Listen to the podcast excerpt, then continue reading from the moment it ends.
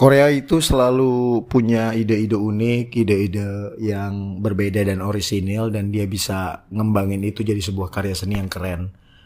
Dari zamannya Psy dengan Gangnam Style-nya, uh, waktu itu arus utama musik Korea tuh berusaha untuk tampil semuanya serba sama. Tapi tiba-tiba ini ada orang dewasa gendut pakai kacamata pakaiannya warna-warni. Pakai kemeja pakai jas terus joget-joget. Tapi oleh karena dia unik karena dia beda uh, view YouTube-nya video Gangnam Style itu ditonton sama miliaran orang di seluruh dunia. Dia dapat penghargaan Grammy diajak kolaborasi sama banyak musisi-musisi terkenal mancanegara. Itu semua karena dia beda karena unik Tahun 2020 ada film judulnya Parasit. Ini film sebenarnya sederhana aja ngangkat temanya tentang uh, konflik kelas sosial. Tapi cara dia nuangin satu sudut pandang di alur ceritanya itu yang menarik. Kalau kebanyakan uh, film yang ngangkat tentang konflik kelas sosial biasanya selalu berhubungan dengan yang kaya sama yang miskin, yang kaya uh, nindas yang miskin atau ada orang kaya nih protagonis dia uh, dermawan dia dapat reward dari kedermawanannya. Endingnya biasanya yang miskin gak dapat apa-apa cuma dapat hikmah dapat pelajaran untuk tetap sabar tetap ikhlas dalam menghadapi kenyataan. Nggak ada yang kayak begitu di parasit. Parasit coba nuangin satu sudut pandang bahwa konflik sosial itu dilihat dari proses alami kehidupan aja. Makanya dia ngambil analogi parasit. Uh, interaksi alami suatu organisme di alam semesta. Dan bukan tentang siapa yang jahat siapa yang buruk. Emang begitu proses kehidupan. Kadang-kadang ada yang dimangsa ada yang memangsa. Ada yang harus menjadi parasit buat yang lainnya. Dan itu yang menarik. Uh, belakangan ini juga ada sebuah serial. Uh, judulnya Squid Games di platform Netflix. Dan ini lagi hits banget dibicarakan sama banyak orang di sini Artabik episode 9 ini gue pengen ngebedah apa aja hal-hal yang menarik dari Squid Games ini. Tapi sebelumnya gue mau review dulu. Ini gue kutip dari tirto.id. Uh, drama Korea ini uh, udah dirilis dari tahun 17 September. Eh dari tahun 17 September deh. Dari tanggal 17 September 2021. Dengan merilis 8 episode langsung pada penayangan hari pertamanya. Digarap sama Hwang Dong Yuk, seorang sutradara yang uh, mendapat rating 90% di laman Asian Wiki dengan total vote lebih dari 1200 pengguna. Tepatnya 1238 pengguna. Sementara di laman IMDb dramanya ini mendapat rating uh, eh, 8,3 dari 10 berdasarkan 234 ulasan. NME melaporkan uh, Huang Dong-yuk uh, ngegarap ini butuh waktu lebih dari 10 tahun dan naskahnya ditulis dari tahun 2009 diperankan oleh Lee Jung Jae dan Park Hae So sebagai pemeran utamanya. Uh, ada juga sejumlah aktor-aktor kenamaan Korea lainnya ada Hong Woo Jin, ada Jung Hae Yeon, ada Oh Yong Soo. Oh my god, enggak ya? Dan masih banyak lagi. Deh gue disclaimer aja nih, gue susah kalau nyebutin nama orang Korea ya, jadi gue singkat aja dan masih banyak lagi. Jangankan gue orang Indonesia nyebutin nama orang Korea sering salah. Orang Korea juga kadang-kadang nyebutin namanya nggak sesuai sama tulisannya loh. Eh, Park Ji Young. Padahal tulisannya Park Ji Sung lah. Gimana dah? Ya jadi ini yang belum nonton nih. Ini menceritakan tentang Sung Gi Hun so, uh, yang diperankan oleh Lee Jung Jae yang seorang pebisnis yang gagal dan terlilit utang dia harus uh, bercerai dengan istrinya dan berpisah dari putri satu-satunya.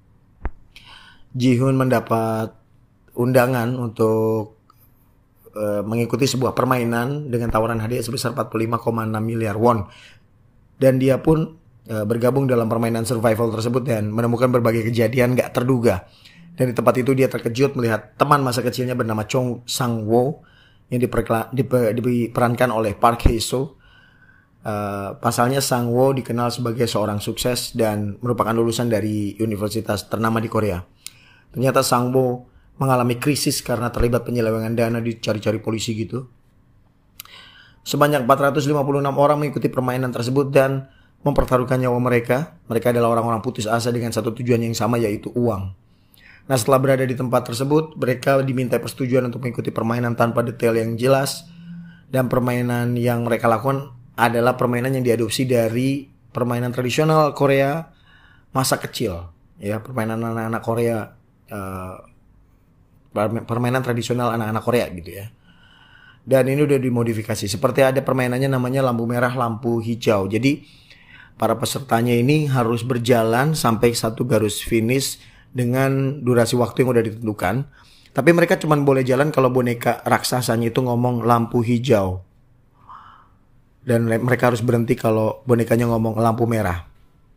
Kalau ketahuan masih ada yang bergerak atau berjalan nanti akan dieksekusi mati artinya udah mereka akan dieliminasi. Taruhannya nyawa ini cuy, gamenya nih ya. Uh, dan kalau penasaran kira-kira seperti apakah kelanjutan cerita dari uh, Jihun dan Sangmo dua tokoh sentral di serial ini. Mereka dua orang sahabat masa kecil tapi harus terpisah karena kesibukan masing-masing. Ya, terus akhirnya ketemu lagi di sebuah permainan hidup dan mati. Baik, gua akan mulai untuk bahas uh, Squid Games ini. Tapi sebelumnya gue mau bilang bahwa gue minta maaf kalau sorry, suara gue memang agak serak-serak becek ya begini. Sebenarnya gue pengen rilis ini tuh dari hari Rabu atau enggak.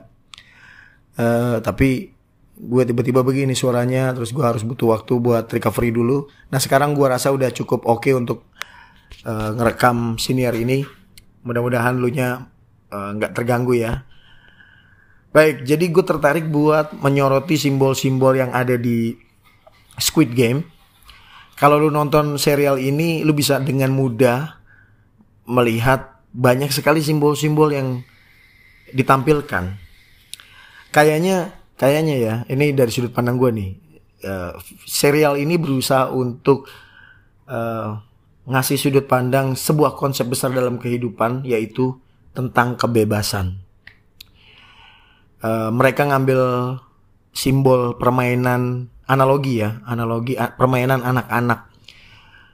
Permainan ini kalau dari sudut pandang anak-anak yang polos, yang lugu, yang bebas gitu. Permainan ini jadi cara mereka mengekspresikan kebebasannya dengan bersenang-senang. Tapi ketika permainan ini diadopsi buat permainan orang dewasa, permainan ini jadi kayak pertarungan hidup dan mati yang ironisnya untuk memper, untuk memperebutkan kebebasan yang kalau di serial ini disimbolkan dengan uang. Kadang-kadang kita kalau punya uang ngerasa jadi orang yang paling bebas.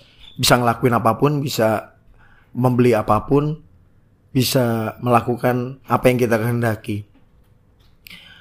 Uh, dan permainan ini juga di, di latar belakangi sama diinisiasi sama uh, sebuah obsesi dari orang-orang yang kalau di sini nih disebutnya VIP jadi VIP ini uh, sekumpulan orang-orang super tajir. Doi hobinya punya hiburan, bikin games di mana orang-orang tuh uh, memperebutkan uang dengan mempertaruhkan nyawa mereka. Karena alik ya. Kalau kalau di kehidupan nyata ini ada loh, ada loh. Kemarin kalau lu dengar ada berita uh, tisunya Lionel Messi. Lionel Messi kan cabut nih dari Barca. Terus uh, doi sebelum cabut ke PSG, doi pidato dulu tuh di depan manajemennya Barcelona dan pemain-pemain Barcelona. Doi kan nangis tuh, sambil nangis terus dia ngelapin air mata pakai tisunya. Terus ada yang mungut tuh tisunya. Dilelang di eBay, harganya miliaran. Ada yang beli lagi. Gokil. Itu yang mungkin aja orang lakukan ketika dia memiliki banyak banget uang. Dia udah bingung nih mau beli apa lagi ya kan udah tisu Messi aja deh gue beli deh. Dulu ada Oreo seharga satu juta cuy. Oreo harga satu juta Oreo Supreme namanya. Oreo doang loh. Emang lu dapat apa dari beli Oreo seharga satu juta itu? Lu puter lu buka lu jilat lu dapat jabatan gitu misalnya? Kan enggak kan enggak itu biasa. Itu Oreo biasa. Tetap lo harus makan, lo celupin. Makan biasa habis kelar habis itu besok udah udahan gitu. Gak ada apa-apanya. Iya kan? Kadang-kadang orang kalau udah kelebihan banyak uang suka punya obsesi-obsesi yang liar gitu karena dia ngerasa gue punya uang gue bisa melakukan apa orang kaya bebas bahasanya gitu kan nah makanya gue mere merepresentasikan orang VIP ini kayak orang-orang bebas gitu manusia-manusia bebas yang coba digambarkan sama serial Squid Games ini. Nah kalau lu lihat lu perhatiin di Squid Game itu VIP-nya visualisasinya nih orangnya tuh gendut orang-orang kaya pakaiannya tuh mewah gitu pakai jas tapi muka mereka ditutupin pakai topeng binatang. Uh, di game-game terakhir kan ada 6 game nih di game terakhir game ketujuh eh game ke eh enggak game cuma 6 ya kok game 7 sih ada 6 permainan nih. Di game ke 5 sampai ke 6 tuh dia datang langsung ke arenanya nonton dari balik arena. Tempat mereka duduk tempat mereka nonton tuh suasananya ala-ala hutan belantara gitu. Mereka pakai topeng binatang. Gua rasa ini mau me, menyimbolkan uh, sisi kebinatangan manusia gitu ketika kita ngejar obsesi kebebasan dalam kalau di serial ini disimbolkan sebagai uang gitu ya. Kadang-kadang kita harus neken sisi kemanusiaan kita. Kalau kata Al Ghazali, uh, human is the thinking animal. Kita ini hewan yang berpikir. Kalau kita tekan sampai level paling alami dari the thinking animal ya kita jadi animal aja kita jadi binatang aja kita nggak pakai akal sehat kita nggak pakai hati nurani kita bisa jadi orang yang paling licik penuh tipu daya insting kita buat memangsa sesama supaya tetap bisa bertahan hidup itu yang dilakukan para peserta-peserta dalam mengejar kebebasan mereka yang disimbolkan lewat uang. Kadang-kadang di dunia nyata emang kayak begitu ya kan? Koruptor-koruptor tuh mereka nggak pakai akal sehat nggak nggak nggak punya hati nurani nggak memikirkan uang yang mereka ambil itu dari rakyat ya kan? Hashtag kritik sosial yo kira-kira gitu deh ya. Jadi gue nangkapnya seperti itu. Uh, nah tapi di sini juga gue tertarik sama pembahasan tentang uh, jadi ada satu episode nih di mana ada salah seorang peserta yang latar belakangnya itu dokter bedah. Nah dia bersekongkol nih sama pasukan penjaga permainannya. Tadinya gue pikir robot doi. Mereka-mereka ini. Ternyata orang juga nih pasukan penjaga permainannya ini. Mereka pakainya serba merah-merah gitu. Pasukan bersenjata gitu. Dia kerjaannya nembak-nembakin uh, peserta yang udah kalah gugur gitu. Pakai baju merah-merah, pakai topeng. Mereka di di topengnya itu ada simbol, ada kotak. Terus ada juga yang segitiga, ada yang bulat X nggak ada X. Kalau ada X tuh jadi stick PS tuh. Kotak segitiga bulat X aja stick PS tadi. Enggak, enggak, enggak. Kotak segitiga bulat. Nah, ini ternyata melambangkan jabatan mereka yang kotak nih komandannya, segitiga nih yang tengah-tengah. Nah, yang bulat nih yang jabatan paling rendah nih, yang kerjanya kerja-kerja kasar gitu. Kayak ngomong anjing lu gitu. Oh, itu ngomong kasar ya enggak ya? Ya enggak. Maksudnya kayak misalnya dia nembakin eh, peserta-peserta yang gugur terus kan pada mati itu pesertanya tuh ntar dipindahin diambilin gitu dipungutin peserta kok dipungutin sih bahasa gue udah kayak kacang tumpah dipungutin maksudnya dipindahin gitu ke peti mati terus di diang, diangkut ke krematorium buat dibakar. Itu tuh kerjaannya yang pakai topeng ada simbol bulatnya. Tuh yang pegawai rendahannya lah istilahnya lah ya kulinya lah kuli. Kroco kroco. Nah balik lagi nih ke mana tadi gue? Gue mau balik mana tadi? Ke cerita ya yeah, peserta yang latar belakangnya uh, apa sih tadi gue? Lupa gue.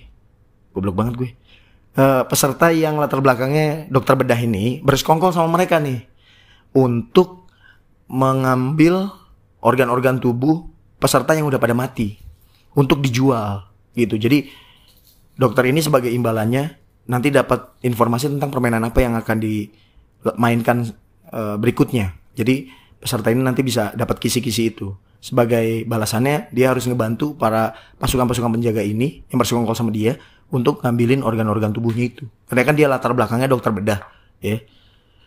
Eh ketahuan tuh, tapi persekongkolan mereka ketahuan. Terus sama komandan nih, ada lagi nih di atas yang kotak nih.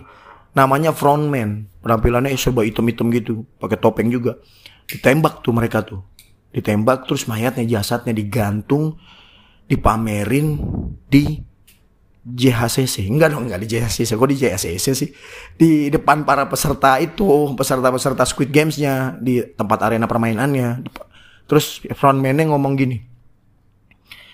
E, mohon maaf katanya. E, dalam permainan ini ada penyusup. E, ini penyusup-penyusup telah melakukan pelanggaran sebuah prinsip utama di permainan ini yaitu tentang kesetaraan katanya gitu. Uh, ini nasib mereka ini begini kalau seandainya mereka melanggar satu prinsip utama dari permainan ini yaitu tentang kesetaraan. Uh, menarik menurut gue tentang kesetaraan dibahas di serial ini uh, karena kayaknya mereka si sutradaranya ini berupaya untuk nunjukin bahwa kadang-kadang nih di kehidupan nyata nih orang yang sering teriak-teriak tentang kesetaraan adalah orang yang paling nggak setara dalam memperlakukan sesamanya. Kadang-kadang orang yang sering meneriakan mendengung-dengungkan kesetaraan adalah orang-orang yang paling memperlakukan uh, orang atau sesamanya. Tidak setara. Bu, urusan apa dia ngomongin masalah kesetaraan coba? Orang dasar terbentuknya permainan ini juga dasarnya karena ketidaksetaraan. Ada yang ngerasa dominan ada yang ngerasa punya uang banyak nih. Cuman atas dasar karena dia pengen punya hiburan yang out of the box nih. Disuruh tuh orang-orang yang hidupnya nggak punya banyak pilihan. Stres banyak banyak utang banyak permasalahan ekonomi segala macam disuruh ikutan permainan ini buat hiburan mereka dasarnya karena nggak setara karena ketidaksetaraan Terus tiba-tiba dia di tengah-tengah menjunjung tinggi seolah-olah menjunjung tinggi kesetaraan. Kayak si sutradaranya pengen nunjukin bahwa kesetaraan sebagai ilusi gitu buat orang-orang sebagian orang-orang yang ngerasa hidupnya nggak punya banyak pilihan. Buat nenangin aja kayak kayak doping gitu, kayak obat penenang gitu. Tenang aja, keadaan ini akan baik-baik aja kok. Kita kan semua di sini hidup dipandang setara. Iya katanya begitu kan. Ada tuh adegan satu adegan di Squid Game gue lupa di episode berapa si uh, Sang Woo nih temannya si Ji-hoon eh, ngomong ke Ali namanya ada salah seorang uh, karakternya di situ namanya Ali orang India tapi ngerantau ke Korea dia ikutan uh, Squid Games ini karena dia punya masalah ekonomi terus si Alinya ini uh, debat kalau nggak salah tentang uh, jam jaga gitu di tempat uh, mereka asrama mereka gitu tempat tidur. Uh, takutnya nanti di di dibunuh sama peserta lain gitu untuk untuk ngurangin persaingan. Terus dia ngomongin soal uh, kita eh, lu nggak usah ngerasa kata si sangwonya nih Ali lu nggak usah ngerasa kita tuh di sini beda-beda kita semua diperlakukan sama di sini kita setara di permainan ini jadi nggak usah ngerasa berbeda jadi uh, kesetaraan sebagai ilusi. Uh, nah, yang lebih menarik lagi buat gue adalah mereka coba buat menangkap fenomena banyak orang uh, yang melakukan tindakan bunuh diri. Ini dibahas juga di di di Squid Games. Uh, jadi kalau di sini ada simbol kebebasan dalam bentuk uang ya. Yang mana ini cuma sekedar ilusi artinya lu kalau nggak ada uangnya lu nggak bebas. Artinya ini uangnya ilusi doang. Dibahas sama Squid Games.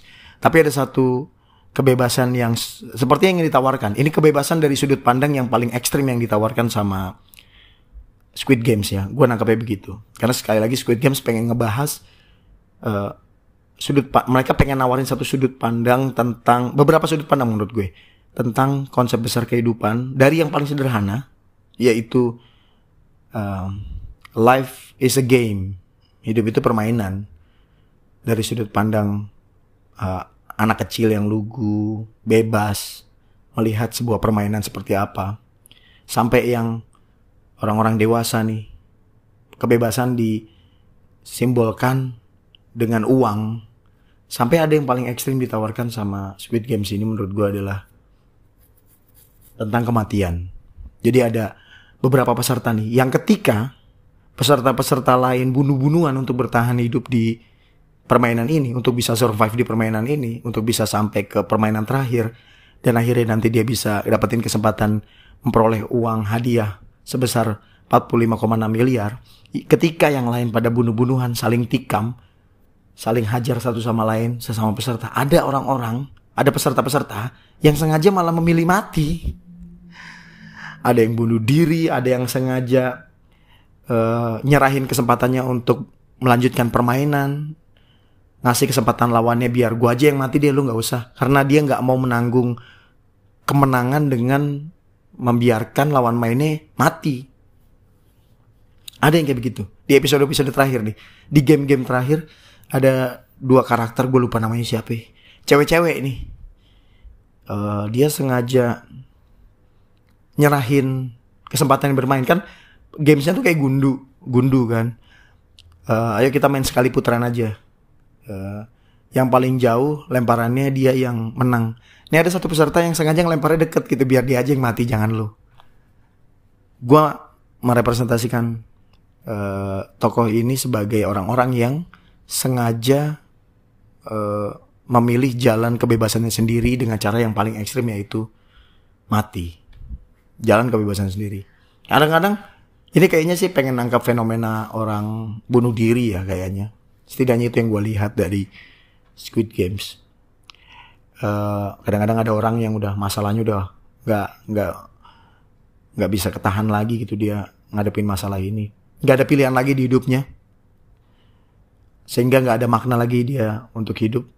Satu-satunya pilihan yang rasional menurut dia yang masih bisa dia ambil sebagai manusia yang bebas adalah bunuh diri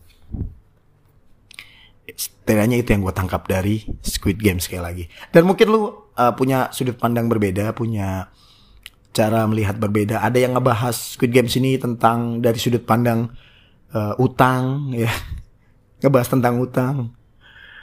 Kadang-kadang juga uh, untuk menyelesaikan sebuah permasalahan kita dikasih solusi dalam bentuk masalah juga gitu, yaitu utang um, ada yang nyinggungnya ke masalah uh, pentingnya pengelolaan keuangan. Ada yang kayak gitu. Tapi ya itu itu salah satu kehebatan sebuah karya seni. Uh, dia memungkinkan siapa pun untuk menilai atau mere, me, me, uh, melihat apa yang pengen diambil dari film tersebut. Menilai apa yang pengen dia tangkap dari film tersebut. Ya dan gue pikir lo juga punya uh, sudut pandang dalam melihat Squid Games ini. Atau lu cuman sekedar kayak gue nih. Gue uh, ngelihat sebuah karya seni karena dari sudut pandang penikmat aja. Enak aja gitu ngeliatin sebuah karya seni apa pun dalam bentuk film kah seni kah eh seni musik kah atau karya grafis ya. dan uh, apa pun apa pun. Semua karya seni menurut gue uh, enak dinikmati seperti itu kira-kira. Uh, terima kasih udah nyimak pembahasan gue di Siniar Tabik episode 9 kali ini. Sorry sekali lagi suara gue seperti ini karena gue baru uh, recovery dari kondisi gue kemarin kena kayaknya gue terlalu banyak ngomong nih. Terus gue sakit tenggorokan dan akhirnya serak dan gue agak telat ngerilis ini. Tapi ini akan segera gue rilis. Uh, thank you udah nyimak sekali lagi dan Siniar Tabik akan hadir lagi dengan episode dan pembahasan berikutnya yang lainnya. Tetap sehat buat lu semuanya. Uh, gua Karisma Wibawa, sampai jumpa.